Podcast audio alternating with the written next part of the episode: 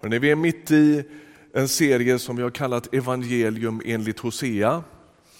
Där vi läser en gammal, gammal text, en av småprofeterna i Gamla Testamentet för att försöka utröna hur Gud handlar med människan. Och han kallas för en av småprofeterna. Jag har haft samma inledning varje gång, men det är för att du som inte har varit med tidigare ska vara med på banan lite. Han kallas för en av småprofeterna, vilket inte betyder oansenlig, utan att det är en hyfsat kort text. Det finns tolv stycken småprofeter i Gamla testamentet. Han profeterar på 700-talet före Kristus. Och den korta bakgrunden är den här. David och hans son Salomo lever ungefär 1000 före Kristus. 900-talet så dör Salomo och då delas landet i två riken, i Nordriket och Sydriket.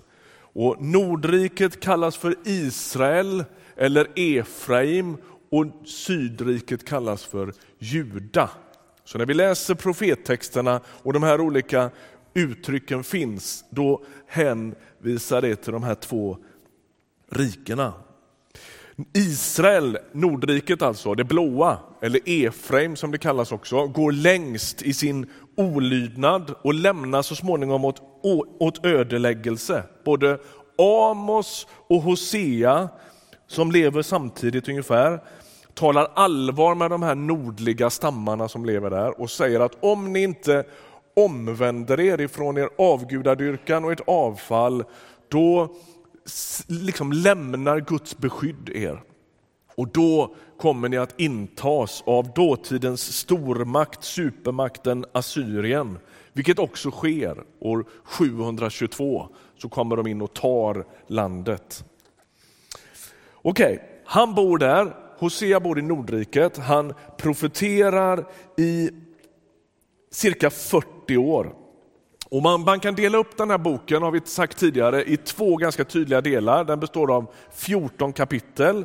De tre första är en sorts så här, eh, kon, koncentrat av Hosea bok. Så om du liksom vill ha den enkla, gå den enkla vägen, du som brukar bara läsa baksidan på böcker. Du ska läsa de tre första kapitlen. Och sen kan man säga att de övriga kapitlen utvecklar Hoseas eh, budskap och hans förkunnelse. Eh,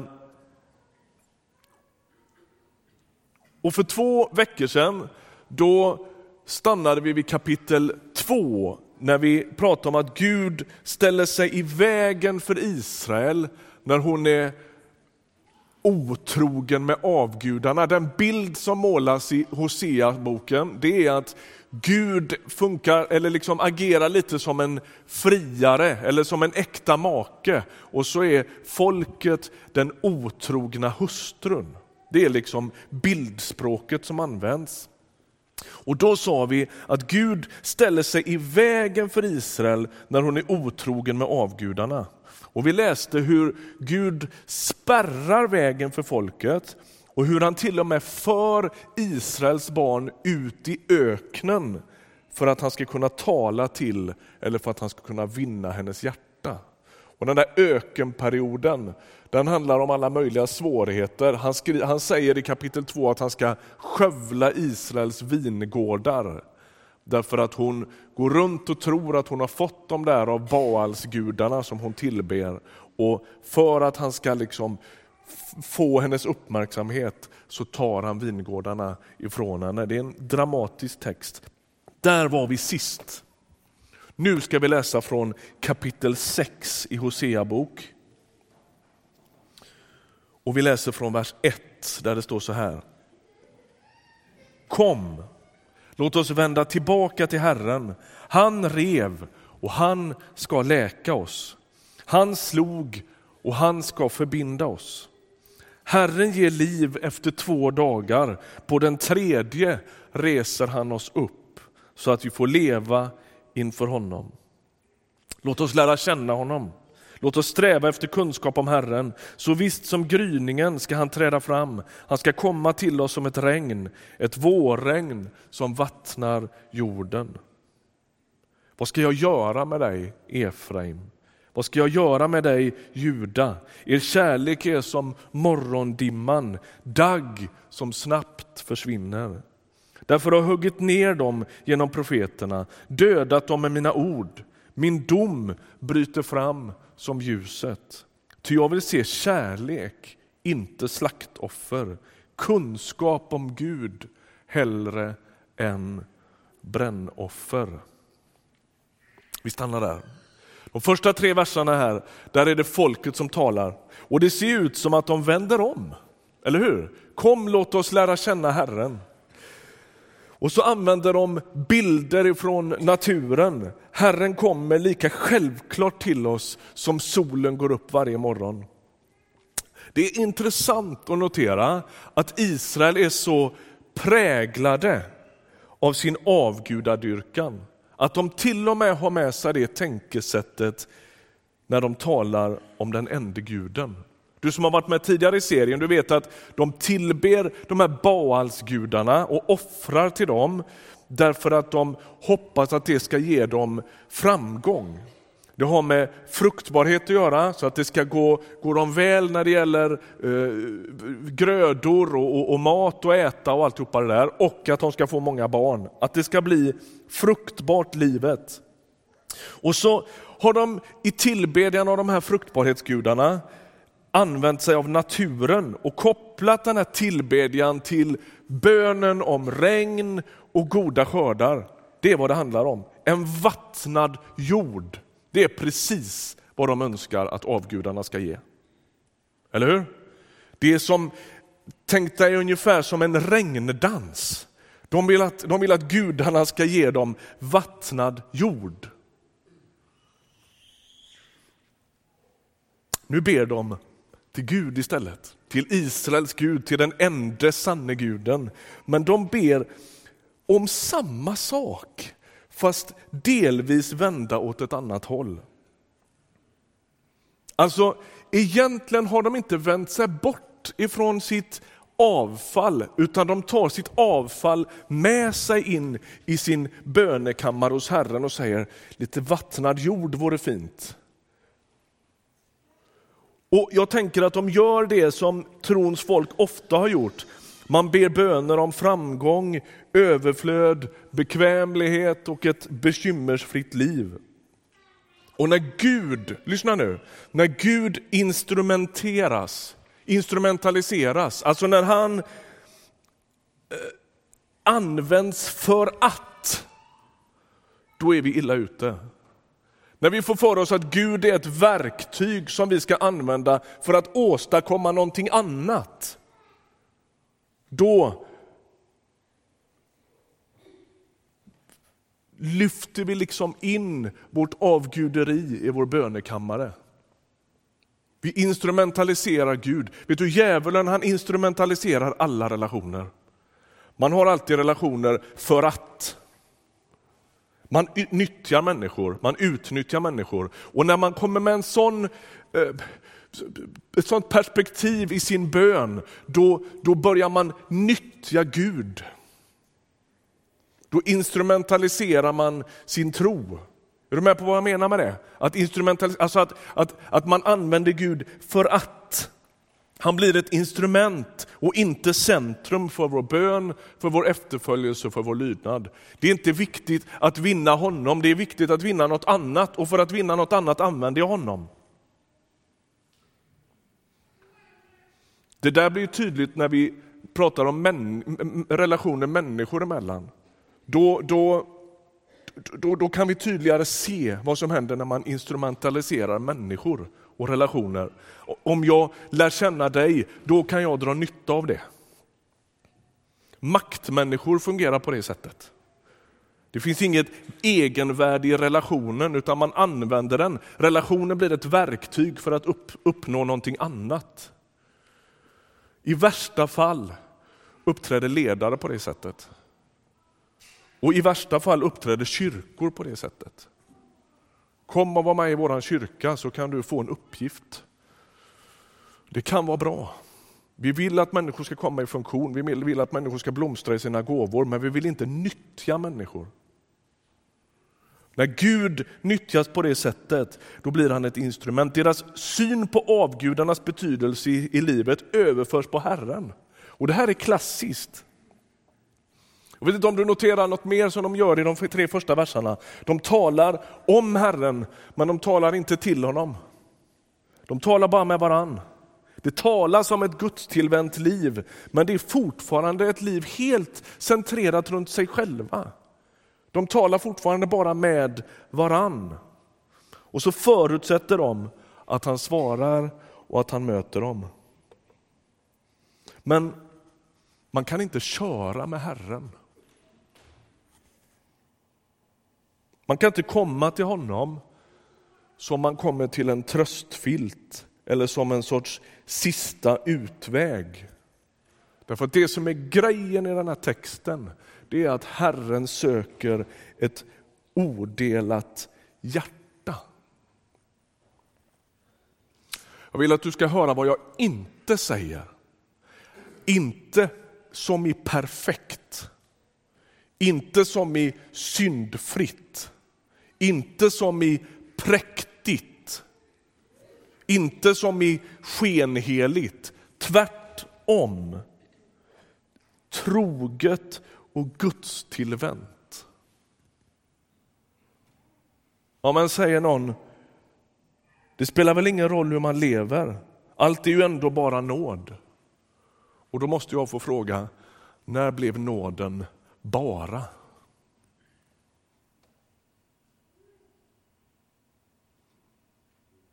När blev nåden bara?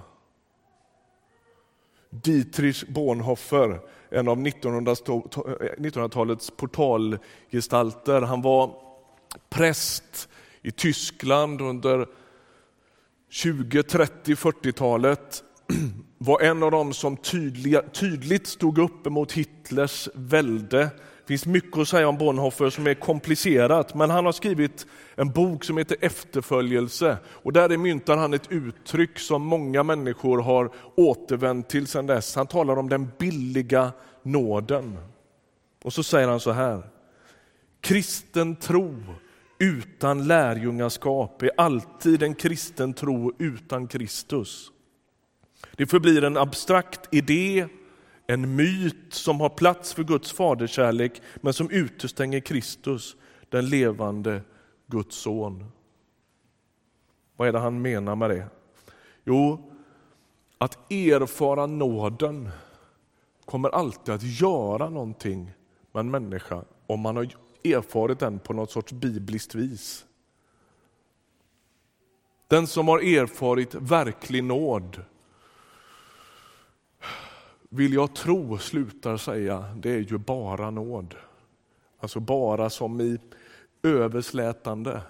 Nåden gör något med oss. Ni vet Paulus, predikanten som kanske liksom träder fram mer än någon annan i Nya Testamentet. Han säger om sig själv så här, han har sitt stora kapitel som handlar, handla, eh, handlar om uppståndelsen i första Korintierbrevet 15. Då talar han om vilka det är som eh, har mött den uppståndne Jesus. Och han säger så här. Allra sist, han har berättat vilka, vilka alla de här människorna som har mött den uppståndne Jesus. Allra sist visar han sig också för mig, detta ofullgångna foster. Jag är ju den allra minsta av apostlarna, inte värdig att kallas apostel eftersom jag har förföljt Guds församling. Men genom Guds nåd är jag vad jag är, säger han. Är inte det ett fantastiskt uttryck? Oavsett min historia, oavsett min barlast, oavsett att jag har förföljt den kristna kyrkan och varit Jesu egen motståndare. Jag har varit den som hela den urkyrkan har varit livrädd för. Och så mötte jag Jesus och så erfor jag hans nåd och, så, och, och genom Guds nåd är jag vad jag är. Du som sliter med liksom präktigheten och duktigheten och du ska ha alla rätt på allting. Det ska vara ett snyggt hem, det ska vara ett eh, nybyggt garage och det ska vara, det ska vara snygg, bra resor och du ska gå på gymmet och du ska lyckas på jobbet och, och barnen ska sköta sig och de ska ha massvis med fritid. Du vet, man bara orkar ju inte. Hoppas du hör den här versen. Genom Guds nåd är jag vad jag är. Det är som att han viskar liksom, igenom alltihopa det där krampaktiga. Genom Guds nåd är jag vad jag är. Och så kan han samtidigt säga, det är så paradoxalt. Fortsätter versen. Och hans nåd mot mig har inte varit förspild, säger han.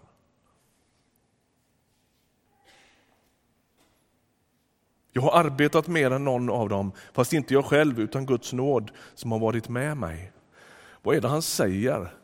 Jo, att erfara nåden, det skapar inte kramp utan vila. Men det börjar röra sig någonting i ens inre så att man börjar bli det som Gud vill. Är du med? Han, han, han spänner dig inte som en fiolsträng, han, han smittar dig med sin vila. Du är Guds barn, du är älskad, du har erfarit att den enda som, som liksom står i hela tillvarons centrum vänder sitt ansikte till dig. Det kan inte bli bättre. Och samtidigt kan han säga, och den där nåden, den gjorde någonting med mig. Han säger i, det finns inte med på, på väggen här och tolken får panik nu, men, men han, han säger i, i, i Titusbrevet 2, Guds nåd fostrar oss. Guds nåd fostrar oss eller lär oss att säga nej till ogudaktighet. Alltså han öser sitt goda över oss för att vi ska bli det som vi inte kan bli när vi krampar. Tillbaka till Hosea. Vers 4 är viktig. Nu har de liksom på sätt och vis vänt sig till Herren fast ändå inte. Och i vers 4 så, säger, så, så är det Gud som tar till orda och säger, vad ska jag göra med dig Efraim? Vad ska jag göra med dig Juda? Han ser att de inte förmår älska honom. Att hustrun i det här bildspråket är ohjälpligt otrogen. Och det de saknar, det är en sorts stadig trogen kärlek till Gud. Och Det som är intressant är att när de saknar det, då är hans reaktion inte vrede eller hämnd, utan snarare det man skulle kunna beskriva som en trevande sorg. Vad ska jag göra med dig?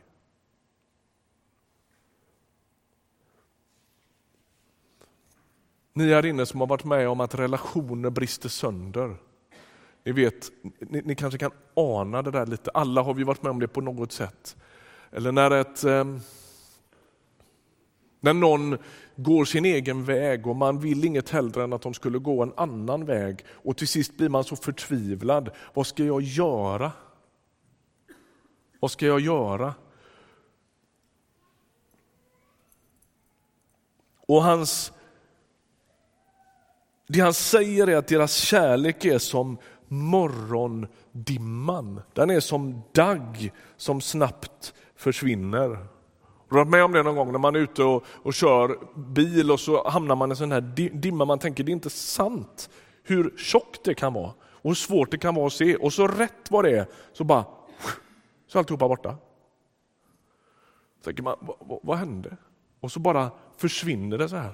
Bara upplöses. Och han säger, sån är Israels kärlek, den är väldigt, väldigt flyktig. Och då är frågan, vad är budskapet idag då? Jo, folket är kluvet och de både vill och inte vill.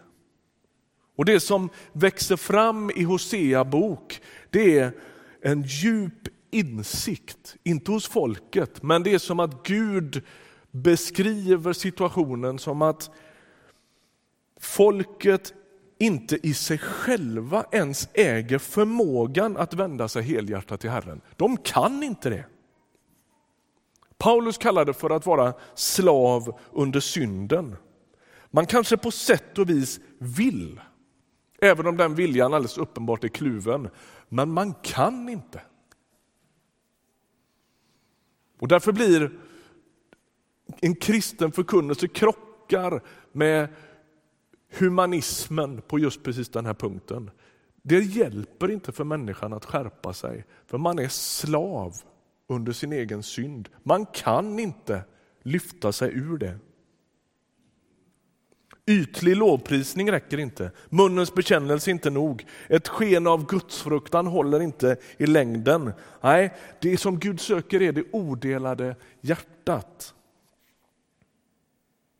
Det Israel gör, det är ju så att supermakten Assyrien närmar sig och det de gör då, det är att de ber krisböner.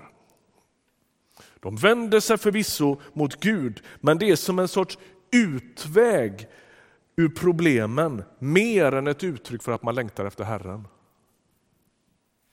Om man kunde vända sig till någon annan som kunde lösa det så gjorde man lika gärna det. Men nu tar man Herren, för det kanske funkar. Men man har egentligen inte vänt sig till honom. Och man är inte särskilt intresserad av att rätta sig efter hans vilja. Folket är i knipa och hotet från Assyrien kryper allt närmare. Om vi bara återvänder till Gud, då tar han naturligtvis emot oss. Någon har sagt att i ett flygplan som håller på att störta finns det inga ateister. Då ber alla.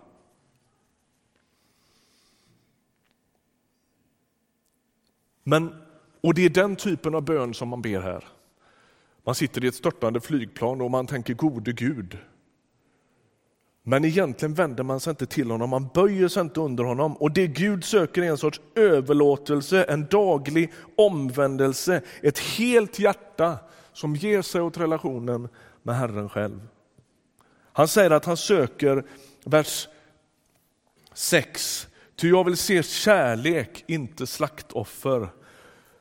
En trogen förbundskärlek, en sorts överlåtelse så som det beskrivs både i ett äktenskap när man lovar varandra och i överlåtelsen till Jesus i Nya testamentet. Detta är det nya förbundet, säger Jesus.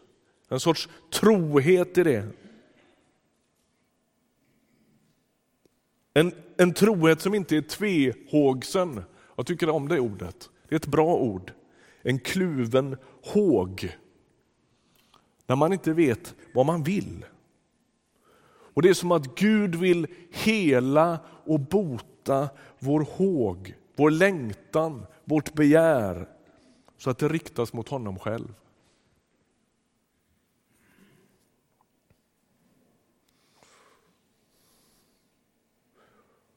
Att vända sig till Herren och erfara hur han vänder sig till oss, det är att helas från det delade. Det är att botas ifrån det kluvna.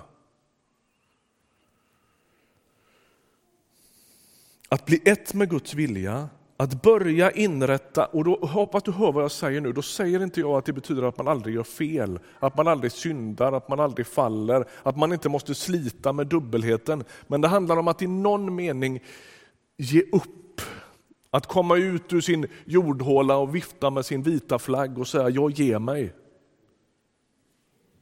Det är vad det handlar om. Och att göra det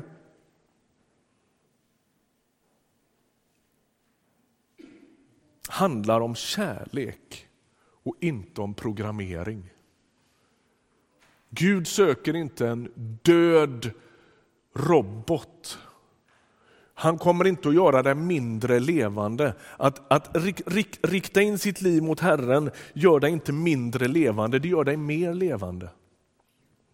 Att böja sitt liv under Guds vilja förminskar inte din mänsklighet, det frigör din mänsklighet. Du blir mer dig själv då, inte mindre. Han är inte ute efter att, att sätta in dig i någon sorts eh, maskineri där du blir en kugge som bara lyder och håller käften. Det är inte hans mål. Hans mål är att göra dig mer levande, mer fri. Att lyssna mer på dina innersta signaler, inte mindre.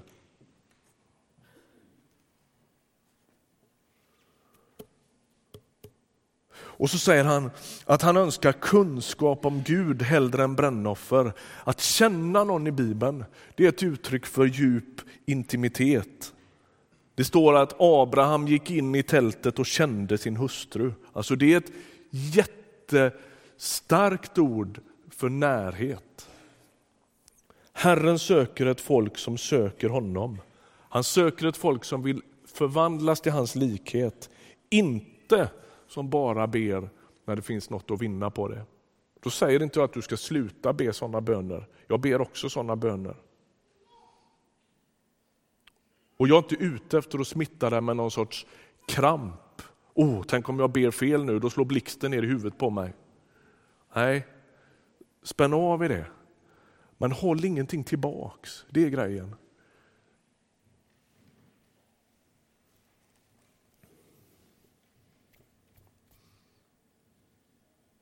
Problemet för Israels folk och för oss allt för ofta är att vi har Gud i bakfickan som en i raden av alla gudar som kan åkallas när det kniper. Någon sa, vi lutar oss mot mammon och tröstar oss med Gud. Kanske. Paulus igen, snart färdig med min predikan för idag. Paulus igen, han möter Jesus på Damaskusvägen och så blir han blind. Och så kommer en kristen man som heter Ananias, en av de förföljda kristna som Paulus har jagat livet ur. Och så besöker han Paulus som, som befinner sig i sitt livs största kris och vägskäl. Han är slagen till marken, han är blind, han inser att han har satsat på fel häst. Och så står det så här, vers 12 i Apostlagärningarna 22. Ananias, en from och lagtrogen man som hade gott namn om sig bland alla judarna i staden, kom till mig, det är Paulus som berättar detta, ställde sig vid min sida och sa Saul min broder, öppna dina ögon och se. Och strax kunde jag se honom.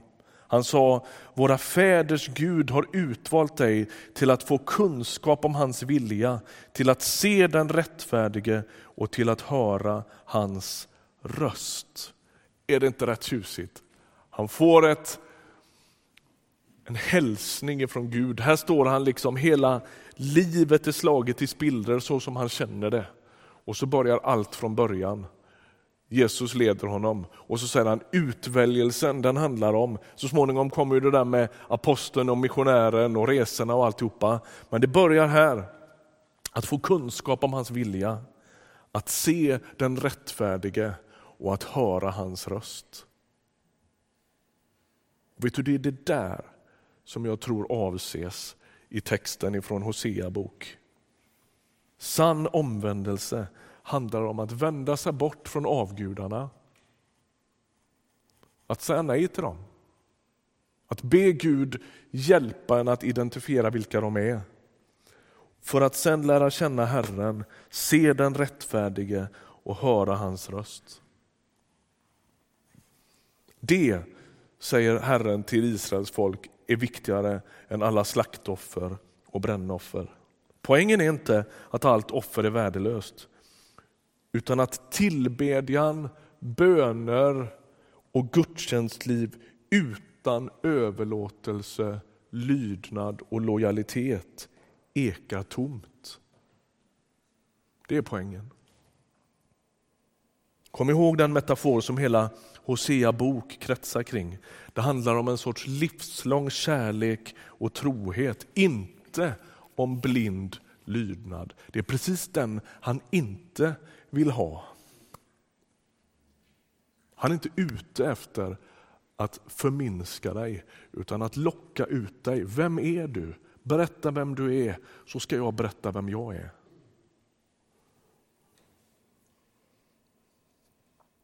Han söker inte syndfrihet. Han söker inte perfektionism. Han söker inte människor som aldrig gör bort sig. Det han söker är människor som i sitt hjärta gör upp med det kluvna och det dubbla. På ett annat ställe i Gamla testamentet så uppmanas folket, bestäm dig idag. Vem vill du tjäna? Vill du tjäna Herren eller vill du tjäna avgudarna? Låt oss be tillsammans.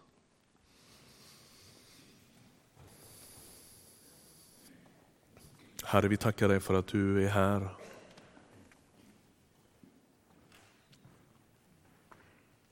Vi ber att få mod att lita på dig, tro på dig och luta oss mot dig. Föd tro i våra liv. Locka oss att ge oss helhjärtat till dig. I Jesu namn. Amen.